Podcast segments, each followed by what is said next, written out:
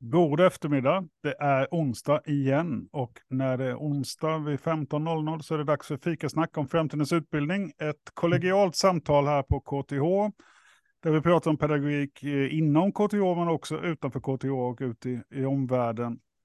Eh, jag heter Johan, jag är poddvärd och med mig har jag kollegan Per Fagrell. Hej hej!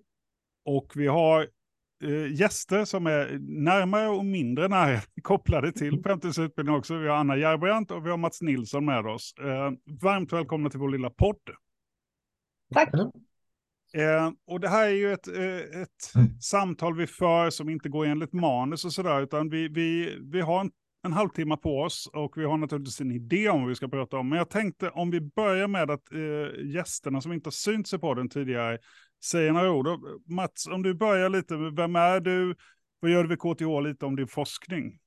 Mm. mm. Tackar. Ja, Mats Nilsson heter jag som sagt. Jag är grundutbildningsansvarig vid Skolan för kemi, bioteknik och hälsa som ju är en utspridd skola både vad gäller ämnesinnehåll och geografi. Vi finns både vid centrala KTH, vi finns i Solna och vi finns i Flemingsberg där jag själv sitter just nu. Och min bakgrund är att jag är en ren KTH-produkt. Jag läste själv teknisk fysik på KTH på 90-talet. Efter examen blev jag anställd som adjunkt inom elektroteknik. När vi startade medicinteknikutbildningar på KTH i början av 2000-talet så fick jag programansvaret för dem eftersom jag råkade ha läst lite sådana kurser som valfritt inom min utbildning. Och jag fick dessutom möjligheten då att skriva en doktorsavhandling inom det området. Så jag fokuserade på rehabiliteringsteknik, att använda mekaniska och elektriska hjälpmedel för att hjälpa personer som i mitt fall då hade nedsatt handfunktion. Och just nu forskar jag inte eftersom jag har enbart undervisnings och administrativa uppgifter. Men skulle jag ta upp det igen så skulle jag nog lyfta vidare på den tråden och titta lite mer på proteser och exoskeleton och den typen av utrustning. Spännande och eh, mycket varmt välkommen till vår podd. Eh, vi kommer titta lite på din skola och ert projekt. Jag tänkte Anna, kan du också mm. på liknande sätt berätta lite vem du är? Mm. Anna Järvant heter jag. Jag är grundutbildningsansvarig, så samma roll som Mats, fast på Skolan för industriell teknik och management, ITM-skolan på KTH. Uh, eh, och det har jag varit i uh, någonstans sex, sju år. Jag kommer faktiskt inte ihåg exakt när jag fick det stora nöjet att börja med det. Mm. Uh, men innan, och Innan dess så var jag programansvarig för eh, civilingenjörsprogrammet i industriell ekonomi i närmare sex år också. Jag byggde om hela det programmet från grunden. Och innan det var jag doktorand på Indec. Så jag håller på mycket med undervisning och utbildningsutveckling under eh, all, hela min anställningstid. Uh, och när jag inte gör det så forskar jag och undervisar själv på ledning, ledning av projektbaserade företag började jag i. Så jag har tittat väldigt mycket på organisationsstrukturer när företag måste använda temporära arbetsformer. Eh, vilket när jag började var mest projekt och vilket idag är ganska mycket projekt men väldigt mycket program också. Som, eh, så att jag forskar fortfarande mycket på hur, hur kan en, en organisation och ett företag ha nytta av den typen av arbetsformer? Hur får du medarbetare att kommunicera? Men hur kan du också i organisationen besluta, fördela resurser och alla sådana saker som är mer organisatoriska um, kopplat till programmen och projekten? Lite kul att du nämner program då, eftersom du också har en viss koppling till ett program. Uh, mm. Du kan väl bara med två ord berätta din roll också i framtidens utbildning, som just är ett, ett utvecklingsprogram. Mm. Ehm, jag är biträdande programledare, något enklast att säga, på, till framtidens utbildningsprogrammet. Och jag har suttit i utbildningsnämnden ända sedan eh, det grundades och även under den tiden som utbildningsnämnden drev arbetet som landade i ett förändringsprogram. Kul. Uh, och mm. idag ska vi prata om uh, resultat av det här förändringsprogrammet. Jag vet inte Per, om du kanske drar lite grann kring de här utvecklingsprojekten, hur det kom till inom framtidens utbildning. Absolut. Eh, under våren här hade vi en process mm, på alla skolorna, tillsammans med alla skolorna ska man säga, för att ta fram ett antal utvecklingsprojekt som ska vara piloter kan man väl kalla det i, i det här framtidens utbildning, att komma, eh, att leda oss vidare framåt och utveckla oss. Och eh, den här processen såg lite olika ut på de olika skolorna, men det gemensamma var att alla skolor, skolchefer och eh, GA och vice GA träffades och eh, presenterade för varandra och hjälptes åt att prioritera tillsammans med KTHs ledningsgrupp. Vilka eh, utvecklingsprojekt ska vi satsa på nu? Eh, och eh, det är, vad ska vi kalla, högt och lågt. Eh, en del går djupare in i vissa saker, en del så att säga, lite här och nu. Och det ska hjälpa oss att eh, förstå vad kan man göra, vad kan man inte göra och så där. Och idag då ska vi få höra lite mer om de utvecklingsprojekt som eh, har tagits fram på CBH-skolan och ITM-skolan. Eh, och jag ska väl också lägga till att faktiskt idag så så kommer det ut på Framtidens utbildnings eh, hemsida, så att säga, webbplats, så kommer eh, de olika utvecklingsprojektens eh, beskrivningar, projektbeskrivningar finnas ute. Än så länge har det bara legat på, på rubriknivå, men nu kommer finnas lite mer material att kunna läsa om de här projekten. Jag tror att det är för i princip alla projekt, det är något eller några som släpar lite. Så det är väl lite om det. Och det man kan nämna också även att Anna och Mats är eh, grymma på det de gör. Så eh, man gör inte eh, alla dessa projekt rättvisa med några minuter, utan det kan bara ge en hint om vad som händer. Mm. Vår ambition och förhoppning är att projekt i takt med att de har kommit en bit eh, eh också kommer vara med i podden, så då kommer vi ägna ett mm. poddavsnitt till varje projekt eh, där man kan gå mycket mer på djupet. Då. Så att ni behöver inte känna att ni behöver representera alla aspekter av alla projekt på åtta och en halv minut. Eh, det var ju det, var inte så, så, så smidigt.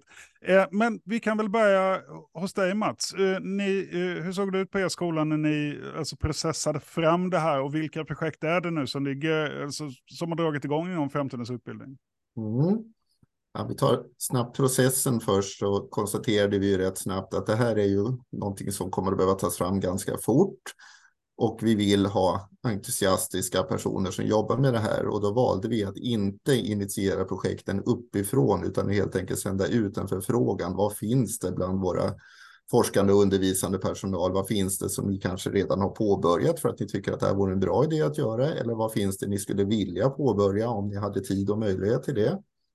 Så vi valde att låta våra prefekter på skolans åtta institutioner helt enkelt gå ut med en förfrågan till samtliga medarbetare. Vad finns det för idéer i organisationen som skulle kunna vara lämpliga i det här? Och så blev de ju ombedda då att titta på de här 13 principerna inom framtidens utbildning och försöka relatera till att det här skulle vi göra. Jag tycker att det anknyter mot den eller de principerna i utbildningen. Så vi fick in ett antal förslag och sen gjorde vi precis som Per nämnde att vi har då bollat, jag och mina vice GA och även skolchefen tittat att försöka få en spridning både över de olika delarna av skolan och de olika nivåerna på, så att vi har fått några på grundläggande nivå nere i årskurs 1 och några uppe på masternivå. Vi har inga doktorandnivåprojekt det här året, det ska vi titta vidare på kanske inför kommande år. Så, så har vi sållat fram de fyra. Vill du att jag ska berätta vilka fyra det var eller skulle Anna få ta sin process först? Förlåt.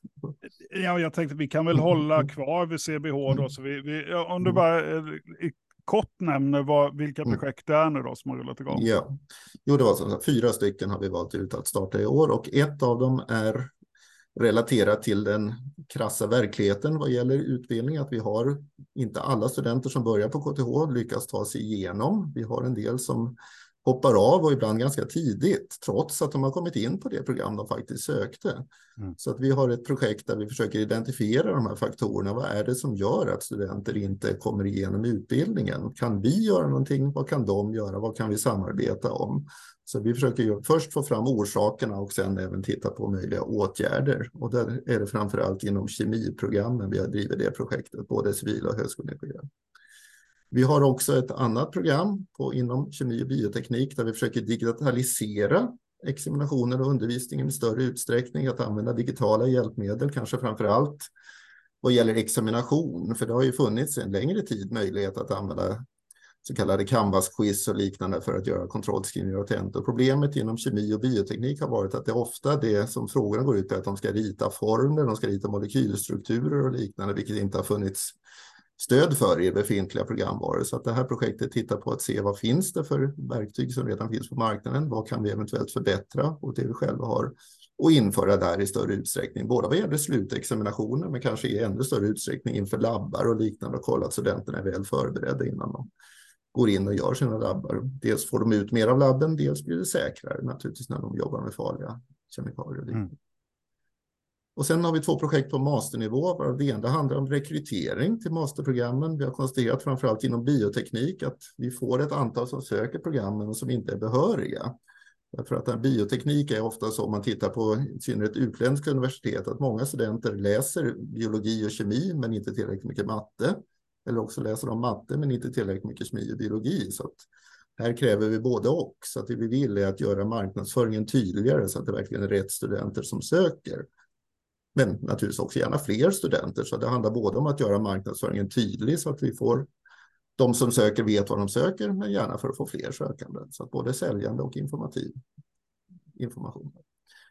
Och det sista projektet är på, också på våra masterprogram. Vi har masterprogram som består av väldigt många kurser. Studenterna har väldigt stor valfrihet inom programmet, vilket vi tycker är bra naturligtvis. Att studenterna verkligen kan forma sin utbildning. Men nackdelen ur KTH-perspektiv är att det då gärna blir väldigt få studenter på varje kurs, vilket inte är praktiskt bra. Det är inte ekonomiskt och det blir ganska jobbigt schemamässigt och så vidare. Så de tittar mer på hur man kan strukturera programmen så att man fortfarande erbjuder så mycket valfrihet som möjligt, men ändå får en bättre logistik och ekonomi i program. Så det är de fyra projekt vi har dragit igång i år. Ja, det, det är alltifrån Ja, alltifrån det här ganska grundläggande och jag ska inte säga eviga men långvariga eh, liksom, eh, problem då, det vill säga vår genomströmning, liksom, hur många av de som söker går och kommer in avslutar faktiskt sin kurs och sitt program. Det är, det är en, en, fråga vi brottas med och det gör ju alla mm. lärosäten naturligtvis. Mm. Alltså, och, och ena vågskålen ligger ju, ska det bli lättare att bli, bli godkänd? Eh, det, det, är ju en lösning, men det är ju sällan mm. den lösningen som, eh, som fakulteten anser är, är, är, den korrekta då. Utan vi, vi, In, inte, de, inte de potentiella arbetsgivarna heller. Helt säkert inte då, utan vi har en idé om vad man behöver kunna för att faktiskt kunna göra ett bra jobb i nästa steg. Och då, då, är det ju, då måste det vara rätt sökande. Eh, och sen eh, det som nämndes också då att vi har väldigt mycket kurser då. Det, för den som inte är från KTH så kan man ju, eh, det är ju väldigt olika på olika lärosäten hur många kurser man har. Men KTH har väldigt mycket kurser. Eh, vi har nog en närmare 2000 kurser, jag skulle tro åtminstone 1800 eller något i den stilen. Så det är väldigt många kurser om man ser till alltså kurs per capita då, så det, vissa kurser får ju väldigt få deltagare. Eh, mm. Och där pågår det ju på vissa lärosäten ett jobb att, att reducera antalet kurser, men det kan finnas mm. andra sätt att lösa det på också. Mm. Spännande. Eh, Får jag bryta in där, Mats? Ja. Eh, mm. De, där, de här fyra projekten, ja. Eh, eh, eh, det, när du beskriver dem så här, då är de lika stora, lika mycket och så där. Skulle du säga att någon, något av de här projekten är mer omfattande än de andra, mer klurigt att eh, lösa på den här, det här projektet så att säga? Ja, omfattande vad gäller, om du, vi tar din andra formulering med klurigt så skulle jag nog definitivt säga precis som Joa var inne på att det där med genomströmningen är ett betydligt klurigare problem att lösa än vad gäller marknadsföringen av ett, att få det korrekt, en bra sökprofil på programmet. Båda är viktiga, men det är en mer omfattande och svårare lösning med att hitta hur får vi studenterna att komma igenom utbildningen.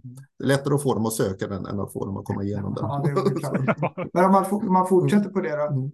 Vilket av de här mm. projekten eh, har liksom, skulle man kunna skala upp till en större del av KTH mm. eh, än att det bara, bara gäller CBH-skolan? Eller? Ja, precis. Ja, men jag tror ju att alla är möjliga att skala upp till, men framför allt förstås genom, genomströmningsprogram, för det är ju ett, som ni nämnde, ett universellt problem. Naturligtvis vissa program har har bättre genomströmning än andra, men det finns nog inget program på KTH, vågar jag påstå, som har precis så hög genomströmning som de skulle vilja. Alla skulle vilja öka den. Mm. Sen är ju inte åtgärderna, om man kommer fram till att det här är vad vi gör på ett program, så går inte det att mm. kopiera rakt av och säga att alla andra gör likadant. Men naturligtvis ska vi kunna sprida idéer mellan de olika utbildningarna. Och vad är det som du säger, kunskaperna om varför och hur mm. och varför man hoppar av och sådana saker eller mm. inte klarar av är ju förstås sånt man kan överföra. Mm. Vi råkar ju vara just de två skolor som representerade i den här podden. Vi har ju dessutom en nivå under ingenjörsutbildningen. Vi har det så kallade tekniska basår och bastermin, det vill säga att vi har ju lärare och kurser även på gymnasienivå. Så en variant som är möjliga för oss, det är ju helt enkelt att säga om en student inte klarar de grundläggande matematikkurserna så kan vi erbjuda att mm. vara med och repetera gymnasiematematiken därför att vi har undervisning som pågår i det och det kan också vara en hjälp för studenter som märker att det är där det tar stopp. Jättespännande. det är nästan som en, nästan som en radioövergång, va Johan? Mm. Ja, det får vi säga. Eh, Anna, hur såg processen mm. ut hos er på ITM och, och, vilka projekt är det nu som har rullat igång? Ja, vi har, det, det, det är en annan sak som förenar CBH och ITM. Vi hade en, en vi var väl, vi delade det här att vi var ett, ett, gjorde ett, liksom ett utskick. Sen gjorde vi utskicket delvis annorlunda, men vi gjorde samma sak. Vi tänkte precis som CBH att vi vet att det pågår massor med det pågår bra utveckling, det finns idéer till ännu mer utveckling och, och det finns innovativa människor med stor erfarenhet. Så att, men vi gjorde så att vi skickade ut en webbenkät till alla, alla i fakulteten. Det gick inte via prefekterna då. Och så bad vi alla inkomma med goda idéer. Vi fick in, tror jag, någonstans mellan 15 och 20 stycken. Och då samlade vi hela ledningsgruppen och därmed alla prefekterna. Och så fick prefekterna vara med i frammejslandet av vilka fyra av de här 15 till 20 som skulle väljas ut som pilot och någonstans fyra, jag vet inte Mats, vi, vi pratades väl vid för mycket vi i GA-gruppen så det kändes, det kändes väl balanserat med fyra piloter. Men det fina för oss där var att vi fick en kraft, liksom, en innovationskraft och idéer och det, det kändes förankrat. Men sen när man ska välja och prioritera, vilket vi generellt på KTH har svårt att göra, alltså välja bort, då, blev, då fick prefekterna vara med i det. Och jag upptäckte att det blev inte, då blev det inte den här känslan av att eh, framtidsutbildning eller GA sa nej till min goda idé, utan och prefekterna fångade många gånger upp det på vår skola och sa, ja men det där, den där idén är jättebra, men den ser jag nog att faktiskt institutionen borde göra istället.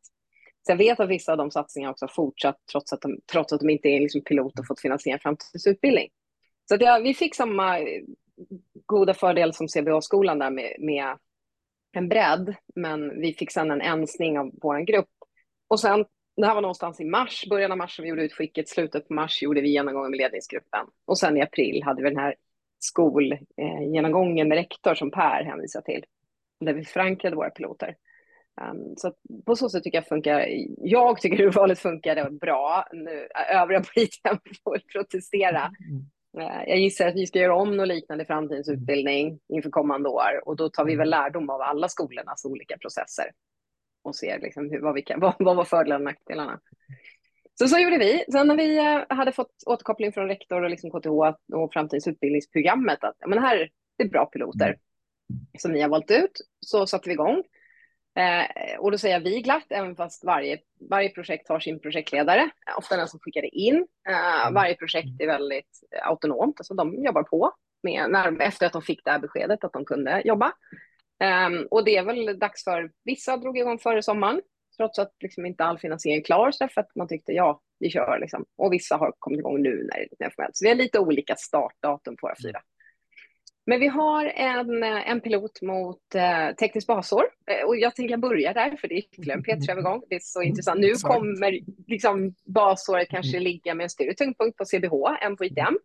Men just nu, alltså framöver, men just nu har vi ju det på båda skolorna. Så i den arbetsgruppen ingår både CBH-lärare och ITM-lärare. I förslaget så fanns det liksom med även eh, ITM eller CBH-lärare.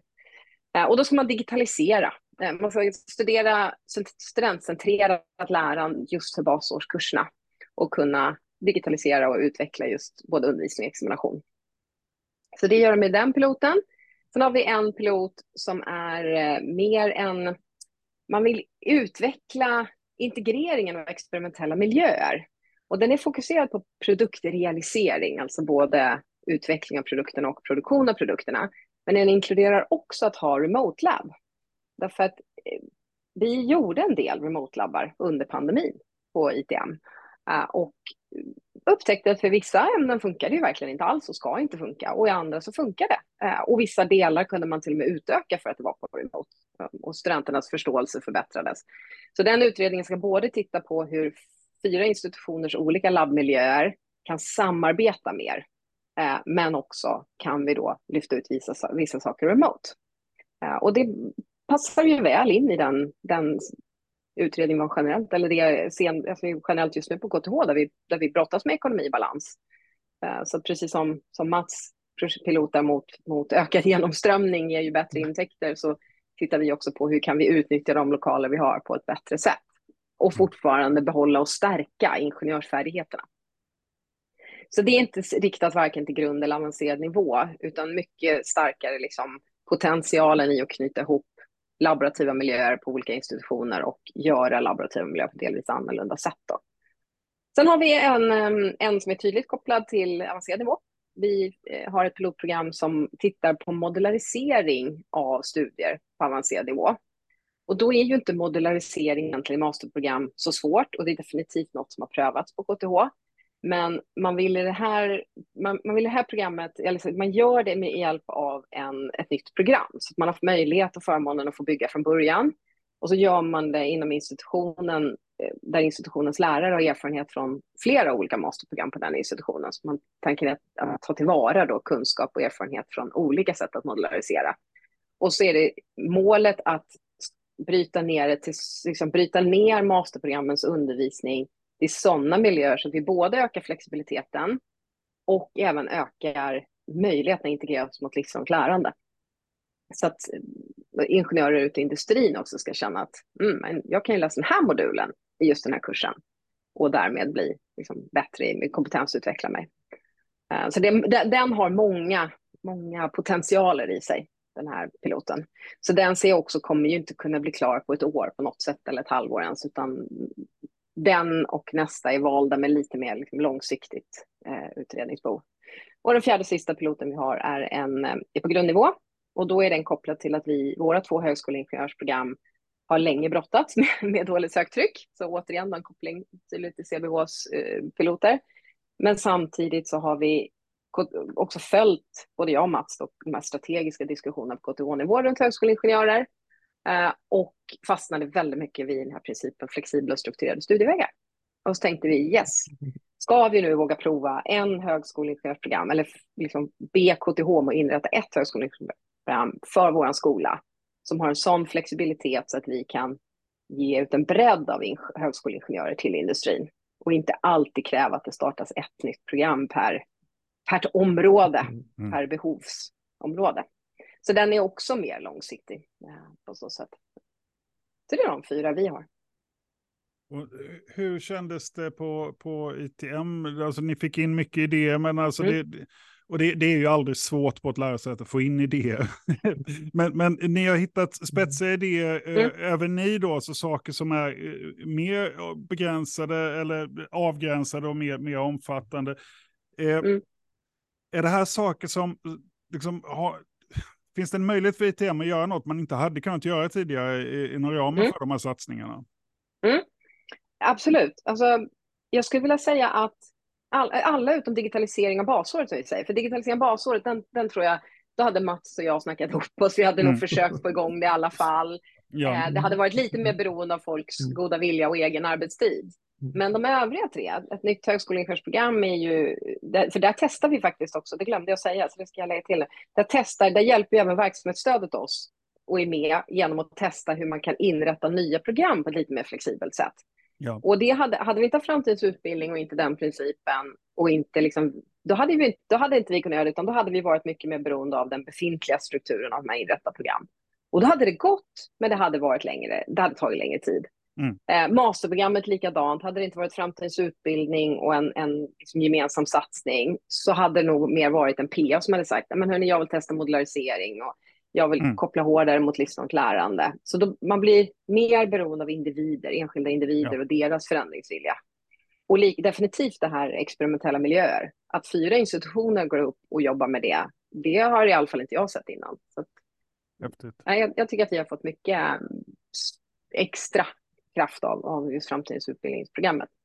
Men jag är ju lite partisk. Ja, jo, nej, och det vill jag med då. Eh, nej, men eh, alltså det, det är liksom en, en, en tanke här då är ju naturligtvis också att ja, men de här projekten då, de, de görs nu då inom ramen för framtidens utbildning mm. och en del av dem hade förmodligen inte kunnat hända.